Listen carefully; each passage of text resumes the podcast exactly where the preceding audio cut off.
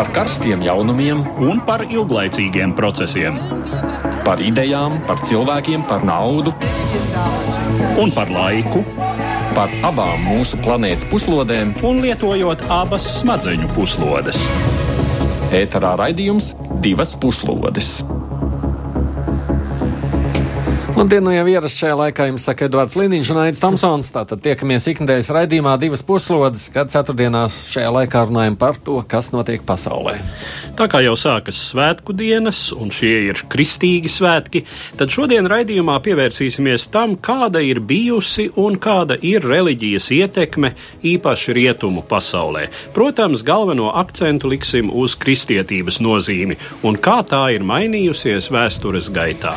Bet arī islāms ir bijis vienmēr tuvumā, bet pēdējā laikā tā nozīme ir krietni pieaugusi. Vācijas kanclere Angela Merkele nesen atkal atzina, ka tagad islāms ir arī Vācijas kultūras sastāvdaļa. Tiesa pašā Vācijā šī izteikuma ir raisījuši pretrunīgu reakciju. Dažādās Eiropas valstīs situācija ir atšķirīga.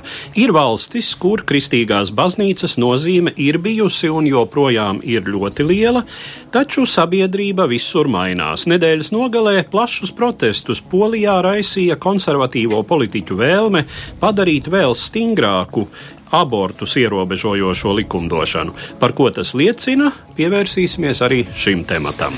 Klausītāji ir aicināti komentēt, sūtot ziņas mūsu raidījumam šeit Latvijas radio viens mājaslapā, un kā jau tradīcija veidojas arī mūsu aicinājums Twitter lietotājiem veidot tādu nelielu aptauju. Ieiet lūdzu Latvijas radio viens kontā un izsakiet savu viedokli par to, vai islāmu vajag atzīt par mūsdienu Eiropas kultūras sastāvdaļu. Jā vai nē? Kāds ir viens no jūsu variantiem? Tātad Twitter jautājumu varat atrast Latvijas radio viens kontā. Un šobrīd studijā bez mums ir arī Rīgas Stradiņa Universitātes Eiropas studiju fakultātes dekāns Andris Sprūts. Labdien! Labdien! Un Latvijas Universitātes teoloģijas fakultātes docents, katoļu priesteris Andris Priede. Sveicināti! Bet nu, pirms mēs runājam par reliģijas nozīmi un ietekmi, ielūkosimies dažās citās šīs nedēļas aktualitātēs īsumā.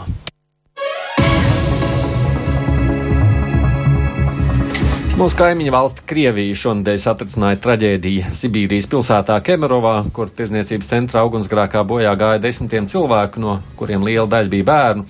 Ugunsdrošības noteikumu klāja ignorēšana izraisīja milzīgu nelaimi. Līdz ar sāpēm emocijas pārtapa dusmās, tūkstošiem cilvēku izgāja ielās, prasot atrast un sodīt vainīgos. Savas dienas kārtību pārkārtoja arī valsts prezidents Vladimirs Putins, kurš arī izskatījās par notiekošo vismaz televīzijas ekrānos satriekts. Krievijā, kur atļaujas lielākoties tiek kārtots ar kukuļu palīdzību, šāds nelaimes ir ļoti iespējams. Šajās dienās atklājies, ka līdzīga aina ir gandrīz visos lielajos centros, jo ugunsdrošības normas netiek ievērotas. Jautājums, vai šī traģēdija varētu kļūt par pagriezienu punktu, lai vismaz dzīvība un drošība netiktu pirkta par naudu. Turpinās notikumi ap Krievijas dubultaģenta skripai saindēšanu Lielbritānijā, solidarizējoties ar Britiem. Lielākā daļa Eiropas valstu, kā arī ASV, Austrālija, Kanāda, arī NATO izraida desmitiem diplomātu. Lai gan Krievija spēr šot atbildes soļus, tomēr ir skaidrs, ka pašai Krievijai tas ir tā krietni sāpīgāk. Ja pārējām valstīm tie ir daži diplomāti, nu, izņemot ASV, kas izraida 60 darbiniekus, tad Krievijai ir jādomā, kur nodarbināt jau vismaz 150 savu darbinieku. Šī ir viena no plašākajām diplomātiskajām krīzēm, kādas ir bijušas. Turklāt valsts solidaritāte nu, ir pamanāma, tikmēr nav vēl arī zināms, kā viss beigsies, jo vēl jau indēšanas stāstam gaidāms turpinājums. Ziemeļkoreja turpina mazliet pavērties ārpasaulē. Tās līderis Kims Čenuns devies savā pirmajā ārzemju braucienā kopš valsts vadības pārņemšanas. Viņa pirmais ceļojums bija uz Ķīnu, kur viņš ticies ar Ķīnas prezidentu. Kims atkārtot paziņoja, ka viņš esot gatavs atbrīvot Korejas pussalu no atomieročiem un sarīkot samits ar Dienvidkoreju un ASV. Amerikāņi ir pārliecināti, ka tieši stingrās sankcijas ir piespiedušas Ziemeļkorejas vadītāju meklēt kompromisu un kādu risinājumu. Jāpiebilst, ka līdz tam slepenībā turētā Ķīnas apmeklējuma laikā Kims pieredzējis arī grēznu uzņemšanu. Katalonijas parlaments vakar par spīti centrālajai valdībai Madridē pieņēma tādu simbolisku rezolūciju, ar kuru apliecināts atbalsts bijušajam premjeram Karlosam Puigdemonam. Vācijas policija svētdien aizturēja viņu, kurš Vācijā bija iebraucis no Dānijas un bija ceļā uz Beļģiju. Šorīt viņš Vācijā apcietinājumā gaida tiesas lēmumu lietā par izdošanu Spānijai. Savukārt bijusī Katalonijas izglītības ministra Klāra Ponsati vakar pati padevās policijai Edinburgā, arī viņai tagad draud izdošana Spānijai. Spānijas augstākā tiesa piekdien izdeva jauns orde, orders Puigdemonu un vēl sešu šobrīd ārzemēs esošo Katalonijas politiķu aizturēšanai. Ja tiesa atzīst viņu vainu, viņiem draud līdz 30 gadiem cietumā. Un vēl viena tāda ziņa par ugunsgrēkiem runājot. Izrādās, tāds var rasties pavisam negaidītu iemeslu dēļ. Austrijas Alpos nedēļas nogalē izcēlies plašs meža ugunsgrēks pārkarsušu velosipēda bremžu dēļ. Kāds šveicis pilsonis, kurš šveidien bija devies izbraukumā ar velosipēdu, nolēma atpūsties pļavā. Izmeklēšanā secināts, ka viens no velosipēda bremžu diskiem bija uzkarsis tik ļoti, ka aizdegusies sausā zāle blakus velosipēdam. Velosipēdists un vēl divi riteņbraucēji, kuri bija kopā ar viņu, mēģināja liesmas apdzēst, bet nesekmīgi. Drīz jau ar ugunsgrēku cīnījās gandrīz 150 ugunsdzēsēji, un liesmu dzēšanā nācās izmantot pat helikopterus. Bet nu par sākumā iesākt to plašāk, vispirms mums tāds vēsturisks ieskats. Kopš mūsu ēras 380. gada 27. februāra, kad trīs līdzimpēratoru parakstītais Seloniku edikts padarīja kristietību par Romas impērijas valsts reliģiju, jēdzieni Eiropas civilizācija un kristīgā civilizācija vismaz uz nākamajiem 1500 gadiem tapa par sinonīmiem. Kristīgā ētika, koncentrēti izteikta desmit baušļos, kļuva par nozīmīgu elementu Eiropas sabiedrību tiesiskumu uztverē. Kristīgais cilvēka vērtības koncepts noteica sociālās attiecības, kurās vairs nebija vietas antīkajā pasaulē ierastajai verga un arī sievietes beztiesībai. Bībeles sižetu un kristietības garīgie teksti kopš tā laika interpretēti tūkstošos un tūkstošos izcilu Eiropas mākslas, mūzikas un literāru darbu. Kad 5. gadsimtā rietumos beidza pastāvēt Romas impērijas vara, kristīgā baznīca uz vairākiem gadsimtiem šeit kļuva par vienīgo kultūrālu un lielā mērā arī politiski vienojošo elementu.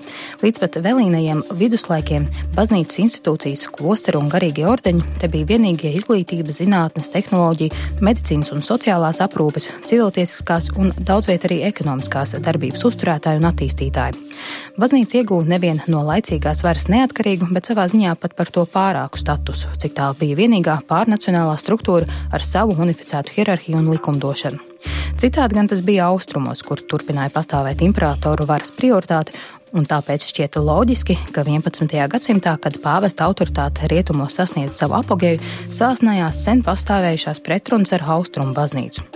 Ekskomunikācijas aktus, ar kuriem 1054. gadā apmainījās Romas pāvests un Konstantinopols patriarhs, pieņemts uzskatīt par Romas katoļu un pareizticīgās baznīcas galīgās šķiršanās brīdi uz visiem laikiem sadalot kristīgo pasauli divās diezgan atšķirīgās kultūra telpās.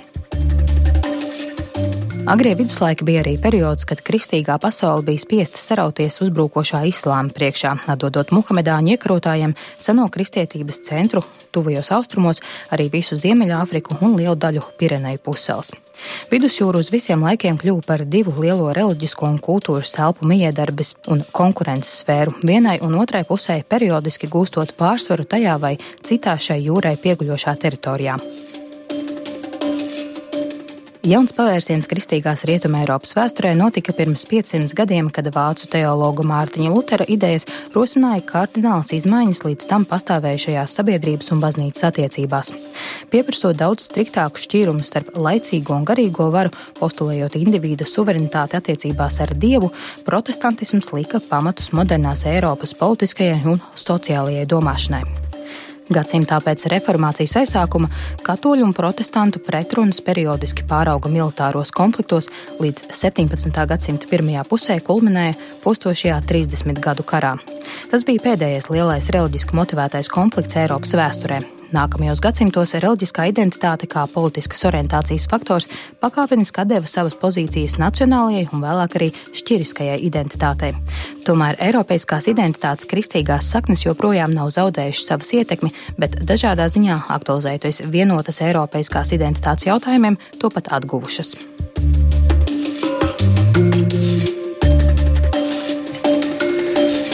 Es atgādinu, ka kopā ar mums ir arī Andris Prūts un Andris Priede vai šīs baznīcas ietekme mūsos, nu, kaut vai Eiropā, ir veidojusi Eiropā kaut kādu citu veidu domāšanu nekā, nu, nezinu, tur, kur tādas ietekmes nav, vienalga tā Ķīna vai Āfrika.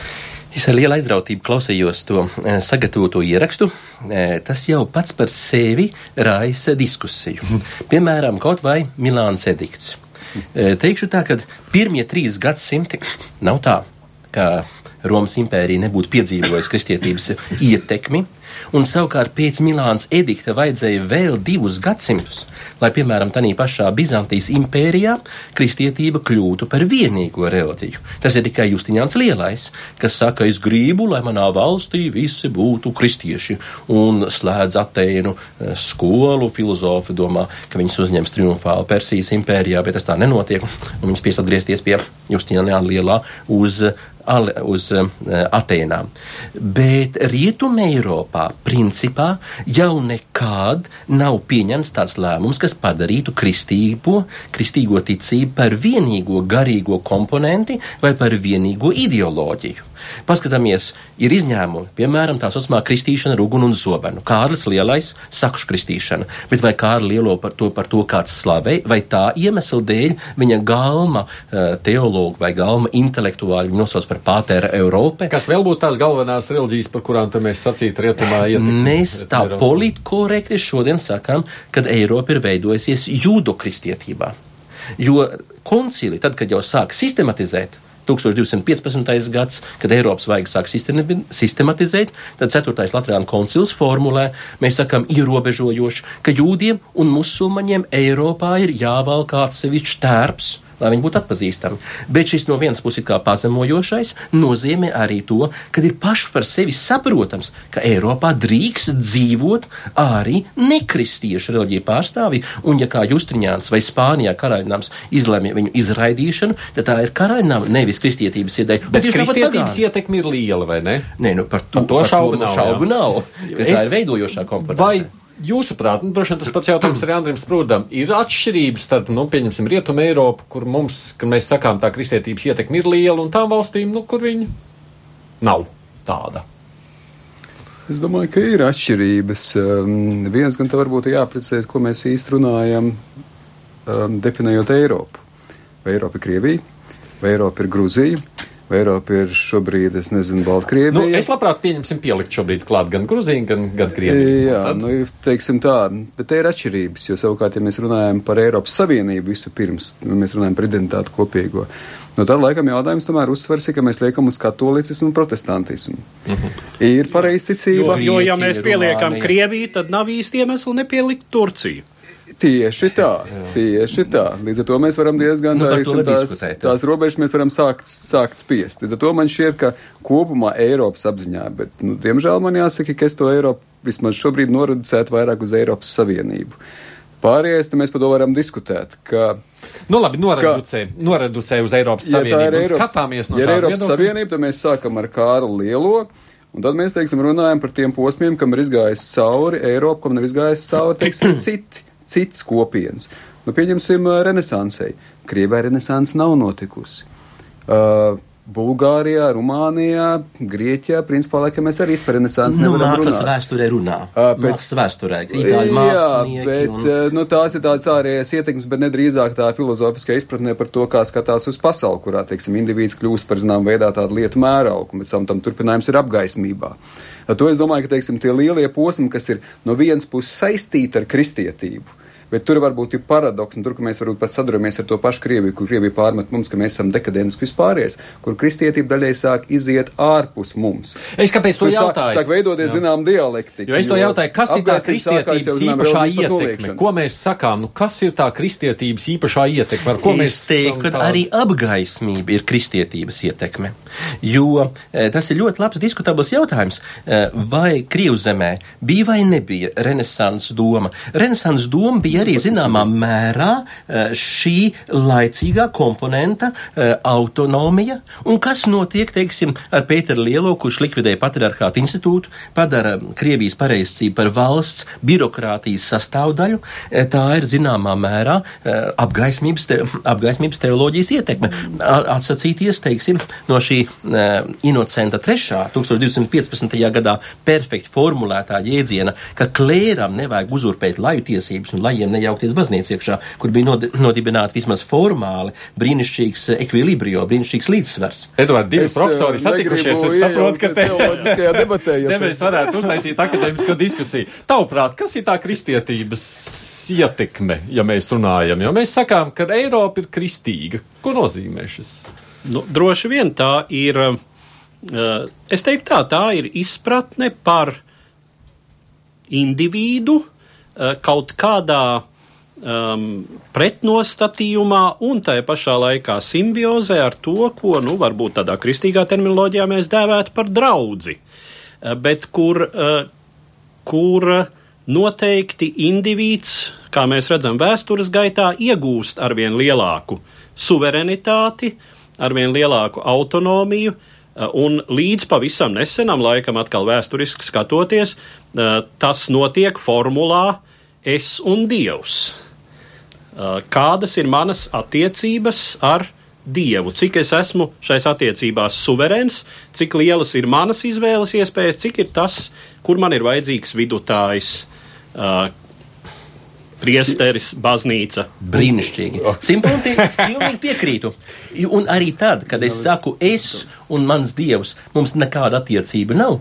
Arī, teiksim, modernais materiālisms ir kristietības, eh, sirdsapziņas brīvības mantojums. Jo droši vien, ja mēs paskatītos uz Indiju vai Ķīnu, tur šādas formulas principā nepastāv. kas tur ir? Tur ir Sabiedrība, citāda- valsts, jā, pāri visam. Tradīcija. Tradīcija, kas nāk no senčiem. tradīcija. Es domāju, ka nav pret tik senčiem. vienkārši. Man šķiet, ka varbūt, protams, ka mums vienmēr gribās padarīt mūs par ļoti unikāliem, citur ir savādāk. Protams, mums ir monolitiskā, teiksim, reliģija, kurā varbūt ir tas viens dievs, un tās nav pārāk daudz tādu, trīs, laikam mēs par trijām tomēr runājam, kas nav, kas nav, teiksim, Ķīnā vai Indijā, bet eh, beiga beigās tomēr tās attiecības, es negribētu viņas noreducēt tikai uz es un dievs. Es gribētu tomēr ielikt tajā to trīs stūrī, tas, kas jau šeit tik pieminēts, un faktiski tas ir visur, un to nevar attiecināt tikai uz Ķīnu, nevar attiecināt uz Eiropu. Tas ir es, Dievs un valsts. Un faktiski to, ko arī Voltērs teica, nebūtu reliģija, viņa būtu jāizdomā. Faktiski kristietība zināmā veidā ir arī valstisko procesu, jeb individu un valsts attiecību produkts. Mēs, protams, runājam šobrīd par kristietības ieteikumu uz kaut kādā veidā manām attiecībām ar valsti, bet tikpat labi varētu teikt, mans attiecības ar valsti ir noteikuši to, kāda reliģija beig beigās arī ir izvēlēta. Tāpēc šeit tā simbioze ir.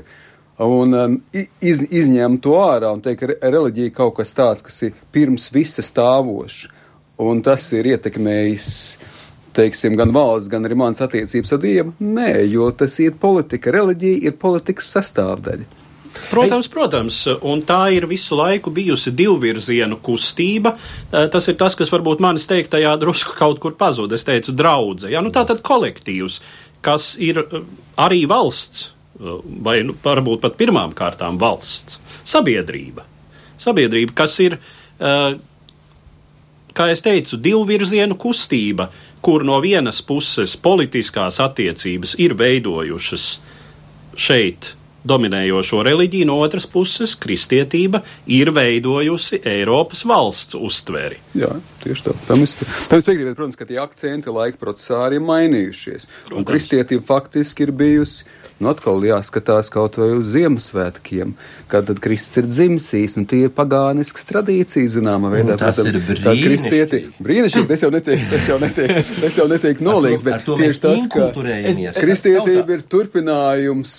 Turpinājums faktiski pagāna reliģija kaut Jā. kādā veidā pielāgotā variantā. Mēs varam teikt cilvēciskojot, atrodot, teiksim, tiešām šo individu arī lomas vai, vai vesības, teiksim, no arī tāda kaut kāda papildus cēluma tādā visā. To nevar noliegt. Bet Ko es ar to gribu teikt, ka faktiski jau šīs attiecības visu laiku ir zināma mājas procesā. Un te varbūt ir mazliet atšķirības starp mums Eiropas Savienību, kurā tiešām mēs esam gājuši. Un varbūt, nu, teiksim, tā diezgan tradicionālā, kas ir tajā pašā Krievijā, kurā man šķiet, ka šīs attiecības un baznīcas klātesamība, nav tik strauji mainījis, mainījis tās savas, teiksim, attieksmes vai, vai, vai tos akcentus. Jo šeit, laikam, nu, tomēr vairāk mēs esam kļuvuši pietiekoši laicīgi. Ir šīs personiskās attiecības ar Dievu, bet kopumā sabiedrības draudz ir diezgan laicīga. Krievijai viņi tiek būvēti jau gadu simtiem, un tur tās izmaiņas, ja neskaidrs, protams, komunismu laika, Jā. viņi ir diezgan uzsvars uz tomēr šī dieva reliģijas klātesamību. Un pat komunismu laikā. Jā, pat arī komunismu. Kas laikā. vienkārši bija radikāla antitēze, teiksim, Tieši atgrūžoties un, un nonākot pretējā grāvī. Nē, nu labi, austrumu kristietībā palika vienmēr tā, tā formula simfonija, ko viņi lieto no eh, Bizantijas laikiem. Simfonija, tā tad eh, saskanība, eh, savukārt rietumos Bet tikpat labi ir austrumos ar Justiniāna lielā likumdošanu. Valsts joprojām formāli palika tā pati Romas impērija. Jo mums ir rietumē Eiropā, kas tad ir romiešu tiesības, ko mēs līdz šai mhm. dienai, un kaimiņos teoloģijas fakultātē jau bez galvas dzīvo juristi, vai ne? Nu, un romiešu tiesības viņi nāk pie mums latiņu valodu at, atsvaidzināt. Tā kā tā ir vecā romiešu valsts, kura ir ieguvusi, lai cik tas mums šodien būtu politkorekti vai ne, bet pateicoties Kristīnai kristītībai šo lielo respektu pret individu šai valstī, kurai ir gribam vai negribam jārespektē. Un, ja mēs atgriežamies atkal pie tās kristīšanas ar uguni un zobenu, kas man ir gandrīz tāds kā jājams zirdziņš, bet paskatāmies, inkvizīcija. 14. gadsimtā Francisko de Moljāno ierodās uh, Livonijā uz inkvizīciju. Un ko viņš pratina? Viņš pratina vietējos pagānus, vai lūk, vācu ordenis nav nodarījis pārestību. Tātad tomēr bija saglabāta šī iespēja tev nevis, ka tevi kristīja automātiski ar varu, bet tu, tu vari saglabāt savu izvēles iespēju. Bet tas, nu, ja es tagad mēģinātu tā kopsavilkt, ko jūs sakāt, tad tās kristietības varbūt tā lielākā ietekme vai tā būtu tieši indivīdi, ja tiesības.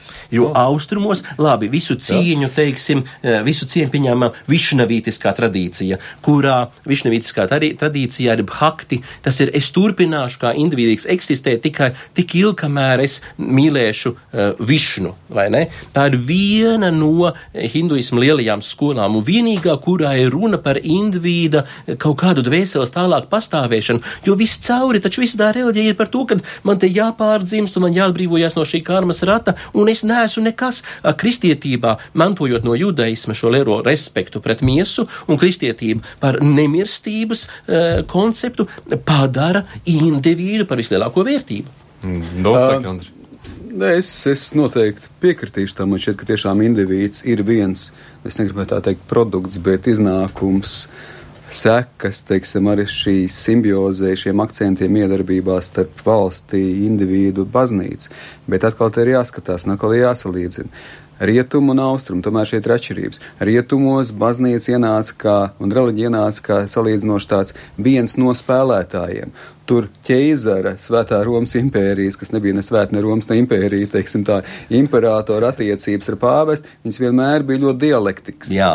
Savukārt, ja mēs runājam par Justiniānu, tad tieši tā Justiniāns faktiski iedibināja to tradīciju jau 6. gadsimtā, kad Austrum Romas impērijā faktiski valsts ir noteicošā, un baznīca vienmēr ir sekundāra. Baznīca daļai kā instruments, un gandrīz vai trešais tajā secībā ir indivīds. Tāpēc tomēr man jārunā par pareizticīgo tradīciju, ka individam ir stipri, stipri mazāka nozīme nekā tas ir beig beigās izveidojies tajā es pat neteiktu judo kristietiskajā, bet drīzāk katoļu protestantiskajā mm -hmm. kopienā, ko vēl jau vairāk pastiprināja tā dialektika renesanss un vēl jau vairāk ar apgaismību. nu jā, un varbūt tas būtiskais jautājums ir, ja mēs skatāmies uz šo brīdi, tad vai kristietība savu milzīgo lomu indivīda nozīmes veidošanā Eiropā nav zināmā mērā šobrīd izspēlējusi. Pie tā mēs tūlītās atgriezīsimies, bet pirms tam es gribu vienu citu tēmatu paņemt, un tas ir stāsts par islāmu. Mēs tūlīt arī vienu tādu maz faktoloģisku skatījumu, un islāms, ar ko atšķirās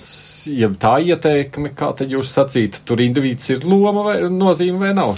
Kolektīvs, umma, tā saucamā umma. Ja? Protams, islāmā nemirstīgā dvēsele, tas ir mantojums, jo islāms ir viena no jūdu kristiešu tradīcijā dzimušajām reliģijām, eh, pieņemot to, ka pat daži džini Mums reliģija vēsturē ir piemēram tāds interesanti fenomeni, ka pat atsevišķas dievības eh, konvertējas jaunajā reliģijā, piemēram, Tibetas budisms. Tas ir tad, kad Pēngļa Bona reliģijas dievi atzīst, ka šī jauna laba reliģija. Un um, islāmā arī ir džini, kas konvertējas vai nepieņem islāma mācību, bet principā tā jūda kristiešu reliģija. Es atkal varētu piekrist cienījamam teologam un arī savam kolēģim mācības spēkam par to, ka tieši tā šis kolektīvs var jau kā piemērs būtu tas, ka islāma ticībā mēs nevaram zīmēt, zīmēt individuālās, atspoguļot individuālās sejas, pat nedrīkst cilvēki tikt atspoguļot. Bet, ko es ar to, to gribu teiksim, teikt? Gan vienā, gan otrā gadījumā ir dinamikas. Var pat interesanti teikt, ka varbūt kristietība vismaz katoļu protestanti kristietība ir virzījusies individu virzienā, un indivīds ir spēcināts. Savukārt, islāma ticībā ir process noticis otrādi, kurā sākotnēji, teiksim, pat šīs sejas un vispārējie varēja atspoguļot. Sākotnēji islāms bija pietiekoši atvērts visādā ziņā. Kā teica Arnolds Toinbijs, tad desmitajā gadsimtā islāms veica civilizācijas pašnāvību, savas civilizācijas pašnāvību, ka viņi skatīs, sāk skatīties uz iekšu, kurā šis kolektīvais, vienojošais tika, teiksim, likts priekšplānā. Uh -huh. Bet dinamika ir bijusi, teiksim, nevajag arī noliekt to, ka ļoti daudzi individu un zinātņi mēs runājam, tā ir lielā mērā individuāla, teiksim, tā nodarbe zinātnieki sākotnējos viduslaikos nāca no arābu valstīm. Nu, nē, no, labi, tas labi, ir labi, ļoti, ļoti, tā mēs uz priekšu netiksim. Kalifa Rāma kristieši. Piemēram, kas tulkoja Aristoteli. Tas ir Atteicīt divas mācības. Patriarchs. Man ir speciāli viens kurs universitātē, kas ir Senaustrum baznīca. To jūs viņam izstāstīsiet pēc raidījuma, bet tā, tāda maz faktorisks atkāpš šobrīd.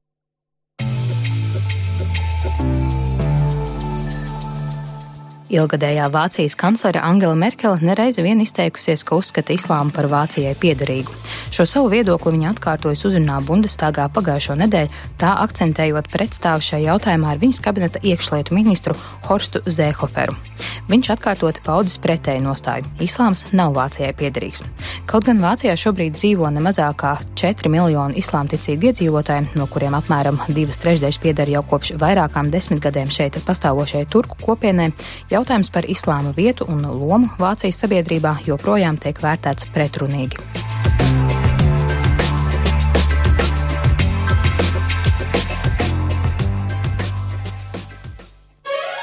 Divas puslodes.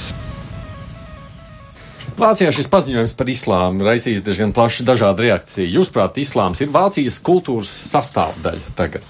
Nu, mums atkal Tie jāuzdod jautājumu, kas tagad. ir kultūra. Nu, tāpēc jau es te Jo- jums iepriekš prasīju. Redziet, Es atļaušos vienu personisku iespaidu. Nu, Pagājušajos, pagājušās vasaras līgo vakarā man apkārt bija cilvēki tikai skaidrā. Jo es tajā brīdī biju komandējumā, Hamburgā, eh, un mans, eh, mana viesnīca atradās Steindam, un tā ir Turku iela. Un tur uz šīs ielas netirgo alkoholu sabiedriskās ēdināšanas iestādēs. Pēdējais krodziņš ir tāds futbola bārs ielas pašā sākumā, kur vēl alu var nopirkt, tā, tālāk nekāda alkohola. Uh, un, uh, jā, uh, viņi dzer tēju. Uh, Un jāsaka tā, pret tiem pāris uh, diez, diezgan nožēlojamā situācijā esošiem vācu, uh, nu, es atļaušos lietot apzīmējumu bombžiem, viņi izturējās ar iecietību Uh -huh, un jā. izpratni. Neviens viņus nelinčoja par to, ka viņi nožēlojamā paskatā tur vārtījās, bet paši turki, Jā. kas apdzīvoja šo ielu, un citi dažādi, dažādu arī dzen ādas krāsu ļaudis bija. Pilnīgi skaidrā. Tas, tas bija mans un pirmais līgo vakars, kuru es šādu atceros savā pieredzē. saka, un tā ir kļuvusi tagad par Vācijas sastāvdaļu. Jā, šobrīd veidā, nu, tā ir Vācijas sastāvdaļa, un tas ir jautājums, vai tas vienmēr ir slikti. Jā, nē, tā es pat neuzdevu to jautājumu. Es drīzāk jautāju. Mēs, starp citu, ja es drīkstu, es apstīšos, mēs Twitterī jautājām, vai, vai islām vispār vajadzētu atzīt par mūsdienu Eiropas kultūras sastāvdaļu. Nu, 60% no balsotājiem saka nē. To nevajadzētu. Es, es arī saprotu, un es pat tie, tie 60% ir kaut kur arī mans nostājas un mans atbildes atspoguļojums. Tajā ziņā, ja mēs runājam par islāmu reliģiju kā tādu, tad kultūrāli, vēsturiski, intelektuāli līdz galam tomēr islāms nu, nav Eiropas teiksim, tā, tūkstošu gadus. Tā kā mēs veidojam individu izpratni par individu valstu un individu attiecībām. Uh, un, protams, ka tas skaits palielinās, bet atkal, nu, protams, ko nozīmē skaita palielināšanās. Nu, kopā Eiropā, kamēr Lielbritānija ir iekšā, ir aptuveni 500 miljoni. Aptuveni 20 miljoni starp šiem 500 miljoniem ir islāmticības piekritēji. Tikai. Jā, tikai. Tieši tā, tikai. Tas skaits ir dažkārt pārvērtēts. Mēs runājam par to pašu Vāciju, tad 80 miljoni ir pāris miljoni ir, un tie pamatā pārsvarā ir turki. Nu, šobrīd tas skaits noteikti ir palielinājies, un varbūt laikam, ka jāizmēra, cik tad pēc šīs bēgļu plūsmas tas bija. Mēs runājam par 3 miljoniem. Par lielāko skaitu mēs runājam Francijā aptuveni 5 miljoni.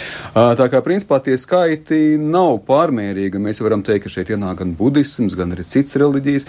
Tad, nu, kur ir tas skaitlis? Bet skaidrs tur, ko Angelē Merkelē taisnība, kur tie man 40% parādās, politiski islāms kļūst par sastāvdaļu, un tā politika jau sāk vilkt iekšā arī zinām veidā kultūras jautājums, no pārējos jautājumus. Nu, mums 25% atzīst, viņiem ir grūti pateikt, viņu šo jautājumu nemācētu atbildēt. Nē, nu, es domāju, ka atbildi ir jautājumā, ko mēs saskatām - vācu tautas kultūra vai Vācijas kultūras reālijas. Mēs taču varam rīkot kaut vai aborigēnu mākslas izstādi mums uh, Rīgas biržā vai ne no papulas izstādi, un kāpēc nevar būt uh, izstāde, kas prezentē Vācijā dzīvojošās daudzās un dažādās tautas un nācijas, bet vai tās veido vācu kultūru? varbūt Vācijas kultūru. Un vai tad ir politiski nekorekti runāt par vācu kultūru? Tad ir Vācijas kultūra un vācu kultūra, un te jānošķir, jā. Ja? Nu, paklausieties, mums taču tikko bija nē, nē, Latvijas saimnieces un Latvijas saimnieces. Jā, tas ir īpaši slidens jautājums. Bet, nē, nē, tas ir tas lietas. Jā, es domāju, ka visiem ļoti patika, kas skatās piekdienas vakaros īstās Latvijas saimnieces, tā Faimja Turlaja. Viņa taču, viņai, viņa īpaši nereklamēja, bet viņai kā tatārietai tas ir kultūras jautājums piederēt pie islāma. Bet viņa bija simpātiskāka par simpātisku. Bet arī pašā laikā viņa reprezentēja Latvijas, nevis latviešu saimnieces. Tas tika raidījumā speciāli akcentēts. Jā, tas ir jautājums par to, kā mēs šodien vispār skatāmies uz to, ko mēs saucam par nacionālo kultūru. Kas tas īsti ir? Vai tā ir, vai kritērijs ir tiešām valsts, kurā tad ir daudz un dažādi elementi, un droši vien, ka tas arī ir pareizi. Jo nu, 20. gadsimts no kura, kuru, teiksim, tādā politiskā nozīmē pirmkārt Vācija, bet arī pārējā Eiropa cenšas aizmirst, nu, pazīst tādus recidīvus, kas ir šie kultūras, nacionālās kultūras iztīrīšanas gadījumi, kad mēs savu nacionālo telpu iztīrām no visa pārējā. Nu, ekstrēmais piemērs ar nacismu, Nacismu.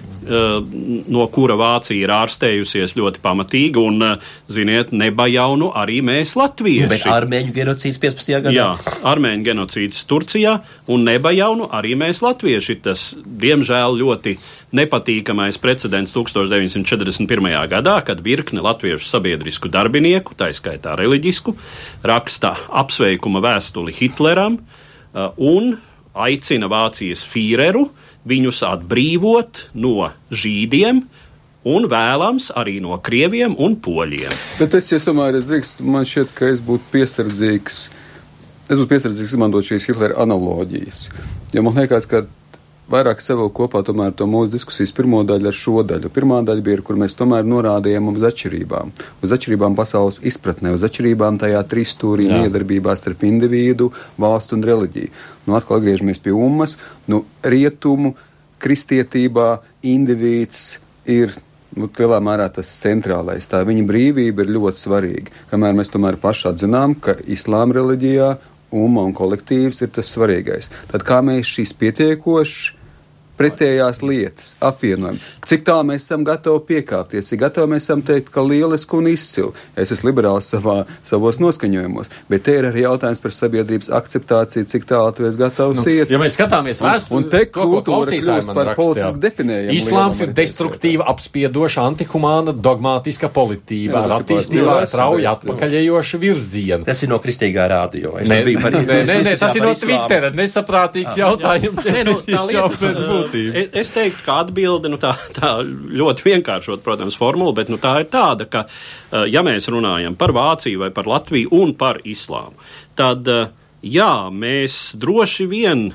mazliet esam gatavi mainīt savu kultūru telpu, tajā ienākot islāmam. Teorētiski vai praktiski, bet arī islāmam ienākot šajā mūsu kultūras un civilizācijas telpā ir jāmainās. Tieši un tā. būtībā tā integrācija ir iespējama par tik par cik. Tieši tā. Tieši tas tā. ir tad, ja islāms apzinās, ka šeit viņš ir ciemiņš. Eh, tas ir precedents. Mums ir Polijas Lietuvas kopvalsts. Kopš 14. gadsimta, piemēram, Viļņas pievārtē ir tāds ciems, kas saucās, es atvainos par manu lietuviešu izrunu, Keturju desmit totoru. 40 tatāri vai ne? Neviens pa šiem daudzajiem gadsimtiem Polijas Lietuvas valstī nav spiedis šo tatāru mazākumu kļūt par katoļiem vai kalvīnistiem brīdis, kad Lietuva bija kalvīnistiskas. Teiksim, Tas pats attiecas uz karaīmu kopienu, kas ir jūdaisti. Tieši tā kā Raīmi, tātad, kamēr šīs reliģijas ir mazākums un ir pateicīgas, zināmā mērā tā kā bijušajā padomjas savienībā, Islāms padomjas savienībā, kamēr viņš nodarbojās ar savām tur virtuves, e, faimis, turlais gadījumā, tradīcijām un tam līdzīgi, un nepieprasa, lai visa valsts pāriet uz šariāta likumu.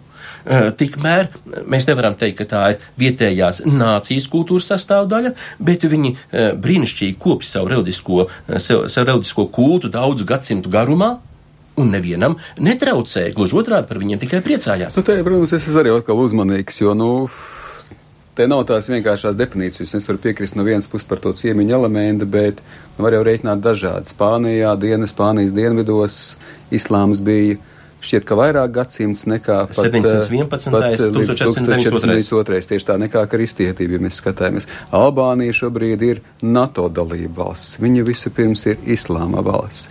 Mm, uh, pirmā attīstiskā valsts pašdeklarētā. tas, tas ir kurā, Hodžas, tas ir kurā, kurā, kurā, kurā, kurā gadā, jā. Nu, Hodžas režīma iespējas. Es domāju, ka. Nu, protams, mēģinājums bija, jā, izveidot pirmo ateistisko jā. Nu, tas ir, bet būsim reālisti, vai ne? Vienkārši pastīmies, kas ir šobrīd. Nu, Kosova arī pārvērtusies. Tev ir tā dinamika, ka nu, mēs Jā. nevaram noliekt, ka ciemiņš vienā brīdī var teikt, ka viņš nav ciemiņš. Un no vienas puses mēs sakām, ka kultūrāli, intelektuāli tu tā kā mazliet esi ciemiņš, bet politiski un jau lielā mērā pēc kaut kādiem laika ietvariem jau ir vairākās paudzēs. Tad kas ir amerikāņi Amerikā, vai tie ir ciemiņi vai nav ciemiņi? Nu, jā, mēs varam aiziet, gan. mēs varam aiziet ļoti, mēs varam aiziet ļoti tālu tajā ciemiņu diskusijā. Austrālijā vai Jaunzēlandē. Es labprāt atgriezīšos mazliet vēl pie mūsu pašu kristīgās ietekmes tagad, un nākošais ierakstīns, kur mēs vēl klausāmies, savukārt ir stāsts par to, kā mēs redzam, kā baznīcas ietekme arī raisa domstarpības. To mēs arī tin bieži redzam, un viens tāds piemērs kaut arī šīs pašas nedēļas nogalē bija redzams Polijā. Polijā ir vieni no stingrākajiem abortu ierobežojumiem Eiropā. Tie atļauti vienīgi tad, ja bērns ieņemts izvarošanas vai incesta gadījumā, ja grūtniecība var būt bīstama mātes dzīvībai, kā arī tad, ja embrijs ir nopietni deformēts vai tam konstatēts Dauna sindroms. Pēdējos divus izņēmumus Polijas valdība vēlējās svītrot no likuma. Ideja par likuma izmaiņām nākusi no katoļu mācītājiem, tāpēc pagājušās nedēļas nogalē aktīvisti pulcējās pie katoļu bīskapu mītnes, bet pēc tam devās gājienā uz parlamentu un valdošās labēja konsultācijas konservatīvās partijas likums un taisnīgums ēku. Aktīvisti sagaida, ka līdz vēlēšanām būs vēl mēģinājumi ierobežot abortus un prognozē, ka valdošā partija likums un taisnīgums nākamajās vēlēšanās gan pašvaldību, gan parlamenta zaudēs. Turpina viena no Polish Women's Strike organizatoriem Marta Lemparta. There's, there's a longer story to that. First,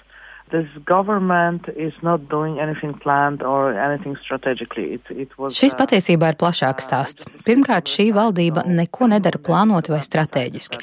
Kad bīskapi piezvanīja un ieteica šo aizliegumu, viņi vienkārši to sūtīja uz parlamentu. Tad mēs paziņojam, ka organizēsim protestu. Viņi teica, nu labi, tad mēs šo projektu nevirzīsim. Kā jūs redzat, viņi nekādā veidā nemēģina plānot veidot stratēģiju. Es domāju, ka mēs varam sagaidīt vēl kādus mēģinājumus virzīt šos ierobežojumus, un mēs būsim gatavi protestēt. Kad viņi pirmo reizi ierosināja pilnīgu abortu aizliegumu, mēs to uztvērām ļoti nopietni, bet tagad mēs redzam, ka viņi ir pārāk vāji, lai pieņemtu aizliegumu. Situācija ar abortiem Polijā jau ir ļoti slikta. Principā mums ir aizliegums ar pāris izņēmumiem, bet šie izņēmumi nemaz nestrādā, jo mums ir arī tāda lieta kā sirdsapziņas klauzula, kas ļauj ārstiem neveikt abortus dēļ viņu ticības. Pēc Polijas likumiem ārstu reliģiskā pārliecība ir augstāka par pacientu tiesībām, cilvēktiesībām, sieviešu tiesībām un likumu, kas atļauj abortus. Ir vesels slimnīcas un pat reģioni, kur ir liekt iespēja veikt šos legālos abortus. Uh, in, in these two regions, all the hospitals deny giving these legal abortions. We might expect that they will lose the local elections, that the government side, the right wing side, Šogad ir gaidāms pašvaldību vēlēšanas, un mēs sagaidām, ka labējais spēns tajās zaudēs. Viņi arī parasti tajā zaudē, bet šoreiz tas varētu būt smagāk. Tāpēc es sagaidu, ka viņi atkal mēģinās bīdīt abortu aizliegumu, jo varbūt tad baznīca viņiem palīdzēs vēlēšanās, varbūt tas būs spiediens no baznīcas, varbūt viņi vienkārši nezinās, ko darīt, bet tas man vairs nebaida. Arī nacionālā līmenī viņa popularitāte samazinās. Vakar redzēju reitingus, un viņi ir zaudējuši 12%. Viņi zaudē un zaudē smagi. Tas ir labi, jo tas nav tikai par sieviešu tiesībām tiesībām. Tas ir jautājums arī par to, cik neapdomīgi viņi tērē naudu, un izskatās, ka viņa vēlas novērst uzmanību no naudas jautājuma ar sieviešu tiesībām, bet viņiem tas neizdevās.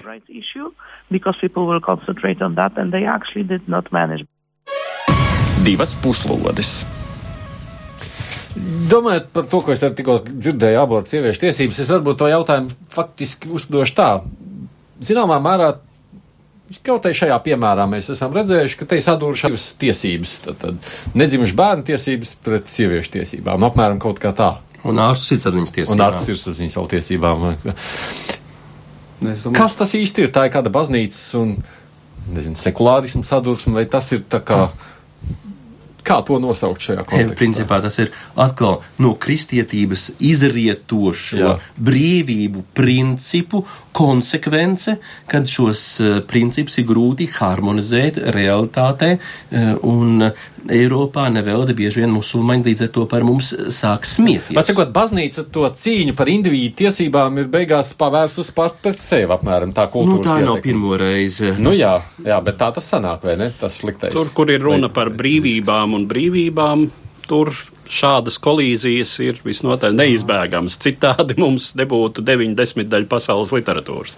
Es piekrītu tam, ka šīs brīvības ar brīvībām ir, ir kolīzijas tieši tā, bet es domāju, ka polijas gadījums, ko es pietiekoši labi, man tā šķiet arī pazīstu, nu šeit ir reliģijas un arī pietiekoši cinisks politikas gan simbioze, gan sadursme.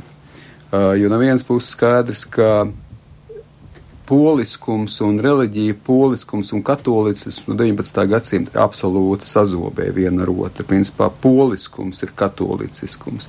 Tā ir bijis, teiksim, no 19. gadsimta nu, neatkarības arī viens no avotiem, lai poļi iegūtu savu poliskumu. Arī, ja mēs runājam par padomu laikiem, tad baznīca, protams, bija ceturtā vienalga kāda var, kurā varēja runāt brīvi atšķirībā no visas pārējās polijas teritorijas. Jā. Un katoļu baznīcas loma galu galā cīņā pret komunismu. Pirmkārt, Polijā, kas sāka padomju sistēmas sabrukumu tieši tā, kopumā. Tieši tā kā Leks Valens savā laikā teica, ka šobrīd, ar, protams, ir kritizēts Polijā, ka padomju savienība komunismu sagrāva trīs cilvēki pa 20%. Viņš pats pa 25% Gorbačovs un pa 50% Jānis Pāvils II. Ka, teiksim, tiešām šis pāves un arī iedodot lepnumu poliskumam, ir tas tik pat patiesībā spēcināja šīs brīvības augs. Tā kā baznīca spēlēja demokratizētājiem brīvības algu aģenti, ja tā var teikt, vai īstenotājiem veicinātāju lomu.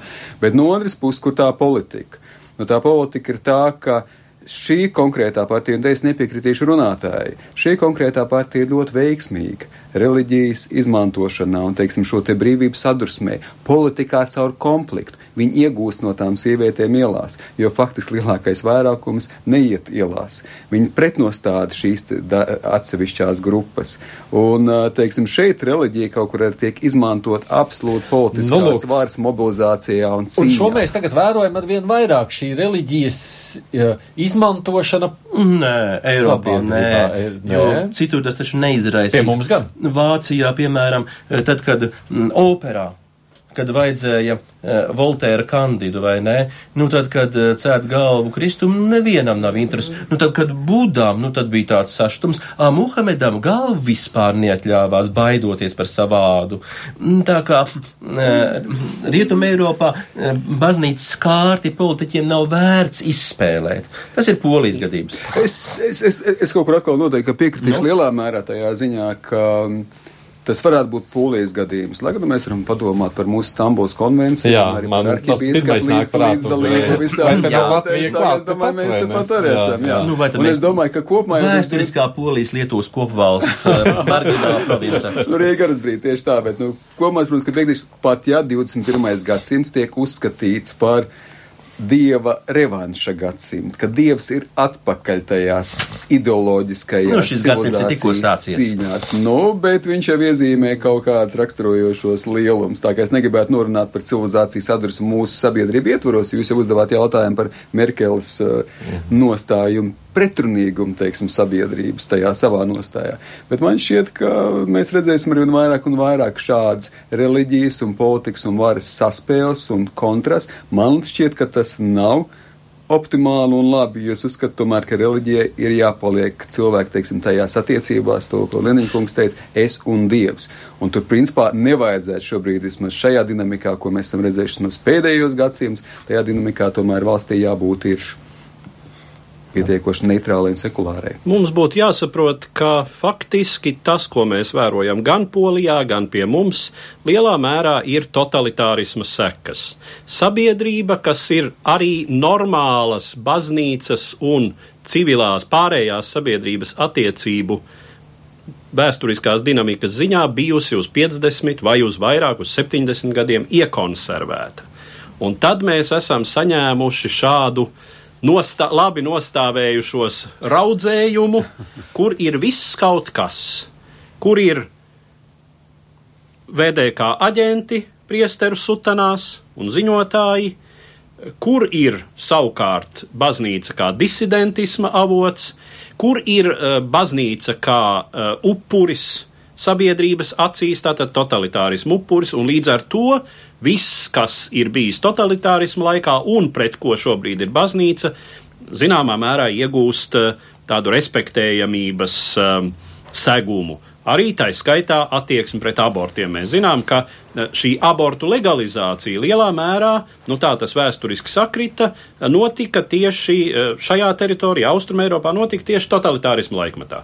Tā skaitā Polijā, arī Latvijā, nu faktiski nē, sākumi bija jau pirms, pirms otrā pasaules kara, bet nu tas galīgais, ja, kad, kad mēs nonācām tai izvēles politikas, um, kā to mēdz dēvēt, situācijā bija padomu laikā, kad, nu, kad tas tika atļauts faktiski jebkurai sievietei, kura uzskatīja, ka nu, viņa nevēlas, viņa nevēlas grūtniecību, viņa nevēlas dzemdēt.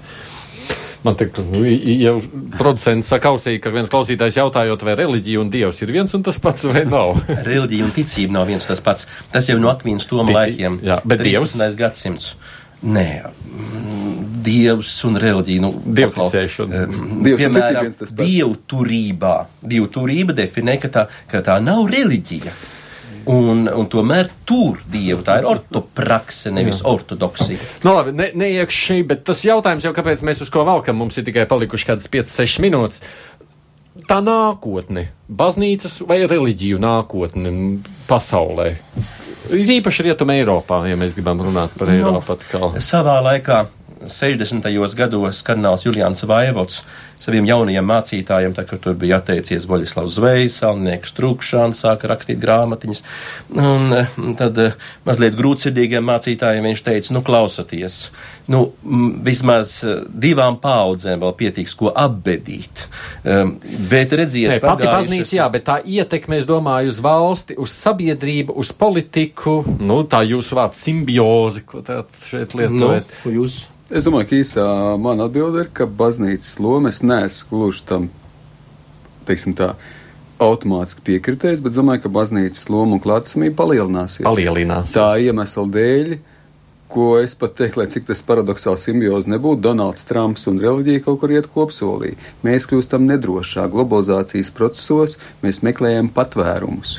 Mēs meklējam patvērumus nāciju valsts ietvaros, mēs meklējam patvērumus savu kultūru iet, teiksim tā, ietvaros, un mēs meklējam patvērumus arī savu reliģiju uh, ietvaros. Un līdz ar to es uzskatu, ka reliģijas loma nemazināsies. Un mēs pat redzam, ka diskusija par Stambulas konvenciju man šķiet, ka tik augstā līmenī ir baznīcas klātsamība vēl Latvijā nav bijusi, kur pat, teiksim, Nu, ne tikai Latvijā, mēs redzam šodien Horvātijā, laikam, kur tā bija tikko lielās protesta. Kurā, teiksim, tā, tas mēģinājums saglabāt savu nedrošības globalizācijas laikmetā, viņš veidos to, ka tie vietējie nacionālie kaut kādi institūti, tā skaitā arī baznīca kā tāda, viņi būs tas, kas daudziem cilvēkiem liksies pievilcīgs kā alternatīva tai globālajai, nedrošajai, nestabilai, mainīgajai pasaulē.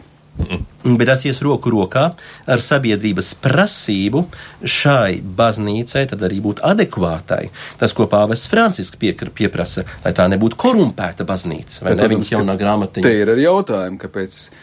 Te man liekas, Lenīnu tā, teiksim, kaut kāda man tāds pārdomas rosina, arī es varētu pat jums uzdot jautājumu bet Latvijas baznīca ir ļoti konservatīvas. Ja mēs skatāmies uz katoļu baznīcu, kur dzīvo vēl pirms kāda koncīlija, teiksim tā, pieņēmumiem, tad. Nu, nav, nav. Latvija ir vienīgā, faktiski vienīgā katoļu baznīca eh, Eiropā, kur praktiski nav neviena latīņu mise galvaspilsētā. Jo visās Eiropas galvaspilsētās uh, ir vismaz viens dievkalpojums tiem, kas vēlās latīņu valodā. Tikai tad, Rīgā. Tikai tad, kad man pūļu draugi atbrauc šeit un aiziet uz misu, viņi saka, nu te ir stipri vecmodīgi. Nu, jā, bet tas notiek poļu valodā. Katoļs saruna. Ko tu saki par nākotni? Nu, es varu tikai piekrist Sprūda kungam uh, ar to piebildi, ka, protams, baznīcas ietekme, kā jebkura cita ietekme, nevar apturēt globalizācijas procesus.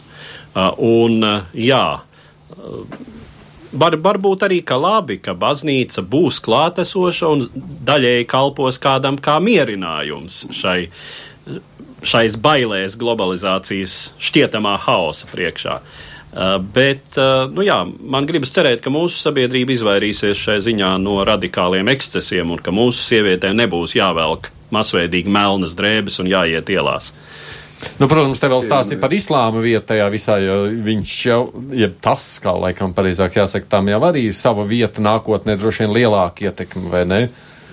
Un arī jā... islāms ir pakļauts globalizētajiem pārmaiņu procesiem. Tur laikam ilgi jāgaida, jo tieši Eiropā notiek šī radikalizācija. Tie paši kosovāri, kas aizbrauc uz Austriju, kur viņi kļūst par radikāļiem?